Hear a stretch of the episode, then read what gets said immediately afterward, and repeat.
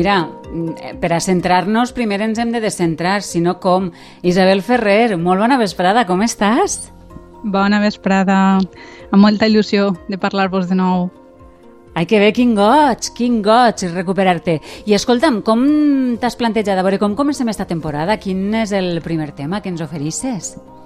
Comencem amb un tema que ja em vaig quedar amb ganes de tractar l'any passat, però com el tema està basat en una sèrie televisiva, vaig preferir esperar un poc per a que la gent la poguera veure en tranquil·litat i no fer massa spoiler al personal. Esta sèrie és tan ortodox, sí, que explica sí? la història d'Esther Shapiro, que és una jove d'una comunitat de jueus ultraortodoxos de Nova York. I per a que vos pugueu fer una idea de l'argument, així a l'engròs, és que eh, Esti, després d'un matrimoni concertat amb un xic amb el qual només ha parlat mitja hora, decideix deixar mm. la comunitat i fugir a Berlín perquè no es troba còmoda amb aquesta vida tan programada. I fins així puc llegir. Mm, jo no diré res més perquè l'he vista, efectivament. No faré tampoc tant comentari, però eh, el que no sé, eh, perquè enguany la secció Isabel continua sent de música, no? Sí, sí, parlem d'ella perquè, en, en la meva opinió, bona part dels moments més importants de la sèrie estan mediatitzats per la música i, i justament es permeten ah. parlar d'uns temes que, que no solen aparèixer en la ficció, en la ficció actual de sèries i que crec que són molt interessants. Al parer meu, a, a través de situacions musicals, eh, en la sèrie explica, explica què, què es poden fer i què no es pot fer en la branca de jueus a la qual pertany Etsy és a dir, quines coses i quines no permet la religió que fem amb les músiques. Però, sobretot, uh -huh. que és el que parlarem avui, ens ensenya les prohibicions musicals que, que, que arrosseguen les, les religions i alguns rituals en funció de si som homes o dones. I on les dones, com sempre, patim més restriccions. Uh -huh, entesos. Però escolta'm una cosa, eh, les persones que no han vist la sèrie, eh, no fem cap spoiler amb això, no? Ens poden continuar escoltant o no? Jo, jo intentaré que sí per, per dos motius. El primer, ah. per, a, per això, no? per a no fer spoiler i que la puguen gaudir, ja que musicalment podem aprendre d'ella.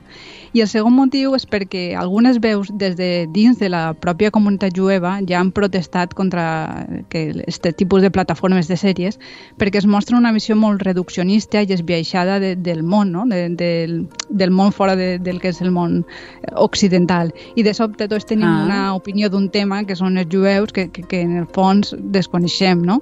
I encara que ens parega que no, tots consumim aquestes sèries i el missatge d'elles no és mai neutre.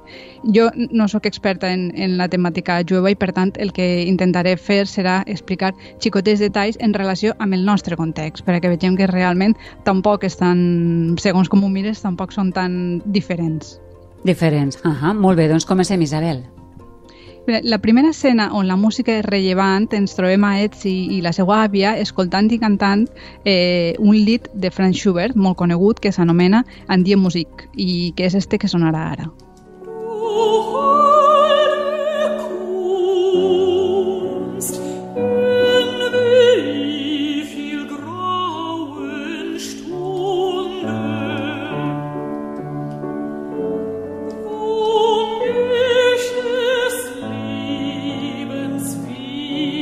I quan estem al mig d'aquest moment de bellesa, sobtadament entra una altra dona a la sala on estan elles i diu que apaguen la música mm. abans de que torne uh, l'home de la casa, perquè què vol dir això? Que un home senta una dona cantar. Oh. És una meravella, més, i, i mm. fa ràbia perquè, perquè és una meravella escoltar això. O sigui, els homes no poden sentir una dona cantar. Sí, exacte, tot i que en el fons, si és, depèn de la lectura que es faci als textos sagrats, hi ha, hi ha matisos i interpretacions, però la idea és ixa. Clar, això avui en dia a nosaltres ens pareix com molt bèstia i molt conservador, però I en tant. realitat sí. fa cent anys en l'Església Catòlica, que és la del nostre entorn més proper, per dir-ho així, almenys dins del temple, dins de les esglésies, passava exactament el mateix.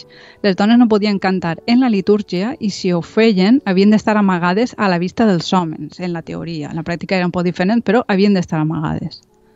I per què corria això, Isabel? Doncs la veritat és que no té una explicació única i es tracta com d'un pòsit cultural que té molts, molts segles d'antiguitat en, la, en la cultura occidental. I per a que vegeu com és d'antic, la primera referència que segur que coneixem tots sobre els perills de sentir a una dona cantar són d'origen mitològic, mm. especialment a través mm. d'unes figures captals que trobem repartides per molts llocs d'Europa, que són les sirenes. És veritat, les sirenes canten, no? que sempre recordem la cua de peix però no el cant, eh, i, i a més hi ha l'expressió que es diu, som, això són cants de sirenes, no?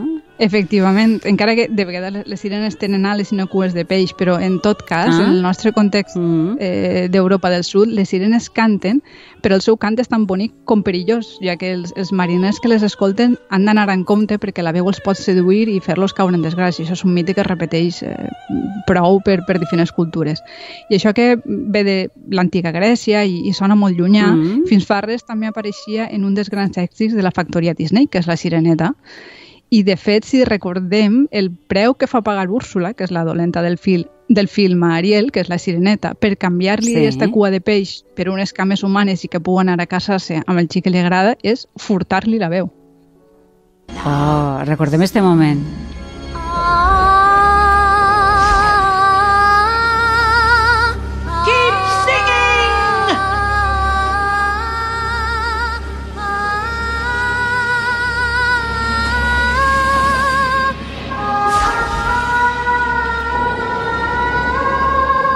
Sí, d'este moment es, es fa, fa posar els pèls de punta uh, i se'n poden treure sí. moltes metàfores, no? de furtar-li la, la, la veu, guardar-li-la que no pugui dir res a canvi d'unes cames per anar a casar-se, bueno, eh, per a no allargar-se en aquest tema, eh, igual un poc el resum seria que igual s'està preguntant algú, vols dir que hi ha vinculació entre l'antiga Grècia, la mitologia, a Disney, no? N'hi ha molt de temps. Eh, realment hi ha una relació?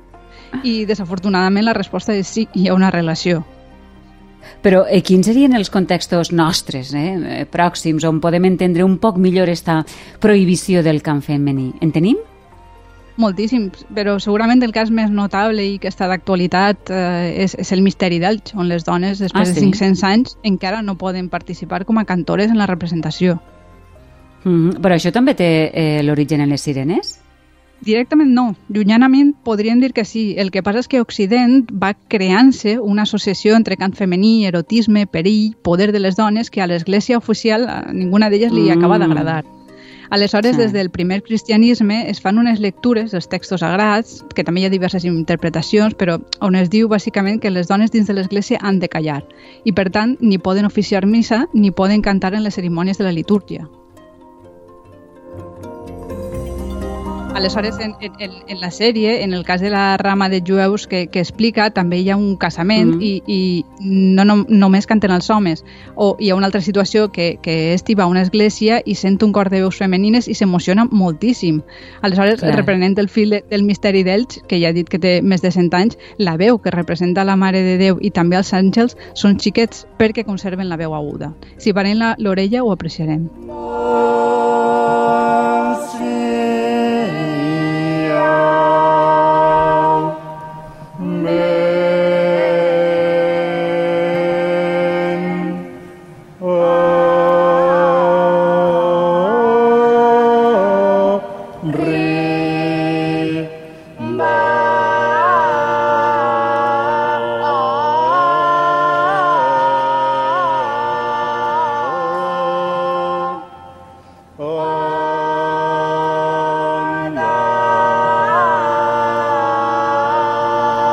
Clar, perquè les veus agudes que escoltem, Isabel, són xiquets.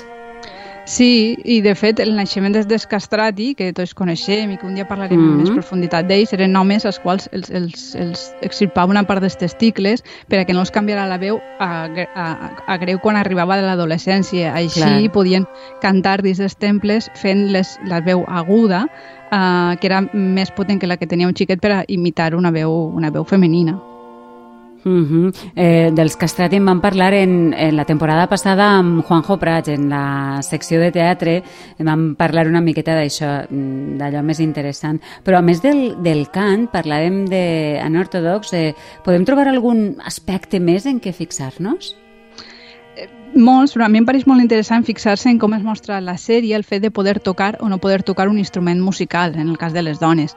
A diferència de la veu, que per a mi representa com la tradició, tocar un instrument en la sèrie les, les dones representa com la modernitat. Eh, a Berlín, eh, Esti va parar a un conservatori on fa un grup d'amics, el conservatori mm. és, un, és un lloc divers que, i on, on l'orquestra representa un lloc on toquen tots junts de, i de, de repente es trenquen no? les, les diferències racials, culturals, És un espai d'oportunitats en una ciutat progressista que també, segons com, té com una altra lectura perquè està un, enfocat, un poc naïf, idealista, en la meva opinió és perquè la sèrie és una coproducció alemanya on ells ixen prou ben ah. parats, com una societat que ha superat la seva vinculació amb el passat nazi i es mostren un poc com el paradigma del cosmopolitisme.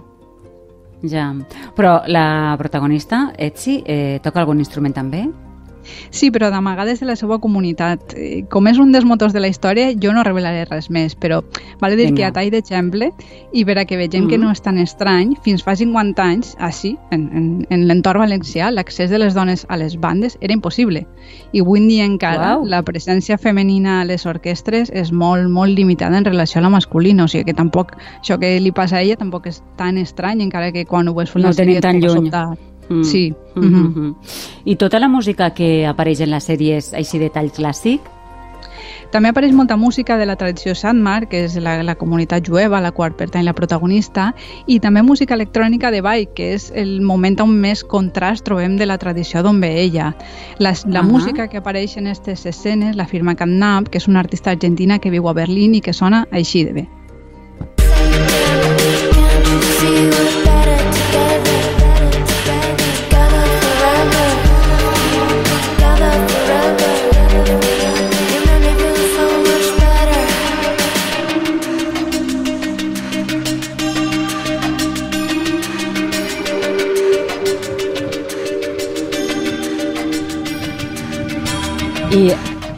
Escolta'm, Isabel, una pregunta, perquè ara m'hi venen al cap grups eh, moderns de, de pop, de rock, i clar, en la majoria les dones només fan de cantants. Jo no sé si això té alguna relació amb el que estem parlant. Sí, hi ha, hi ha com una ambivalència de, de les dones cantant, com una cosa pròpia, femenina, lligada al cos i desitjable, però també perillosa per, a, per als homes o, per a, o, o, o, o també des del punt de vista masculí de la pròpia expressió de la dona. I com aquest exemple de coses de gènere i, i, i que succeeixen dins de la música i que pareixen subterrànies, n'hi ha moltes més. Aleshores, eh, a mi el que em sembla interessant de la sèrie no és fer un juí sobre si és totalment real el tractament que fa de la música en la tradició jueva, que també, eh, o si és massa reduccionista, que seria un altre tipus d'anàlisi, sinó si ho mires bé, aflora qüestions de gènere musicals que són també molt nostres i que pareix que estan superades, però que en realitat encara convivim amb elles. Mm. Doncs escolta, molt interessant, perquè fixa't que eh, quan vaig veure la sèrie, clar, cada un coixeja d'un peu, no? Eh, sí. Jo no em vaig fixar amb això de la música, ara que ho dius, ho tinc molt present, no? Però en aquell moment no feia la lectura musical eh, que has fet tu, no? Superinteressant. Mm. I a més no ho direm, però acaba precisament musicalment parlant amb un final molt, molt potent. O sigui sí, que... Sí, sí que, que el vegin, que vegin no la sèrie, vist. sí, sí, Exacte. si tenen interès. I, I això, i molt interessant, com sempre, i allò de les sirenes m'ha encantat. Eh, perquè has fet ahir un... És que sempre fas uns camins molt interessants. Gràcies. Gràcies, Isabel. Gràcies, Ens tornem a parlar la setmana que ve. Una abraçada. Molt bé. Una abraçada. Adéu, adéu. adéu.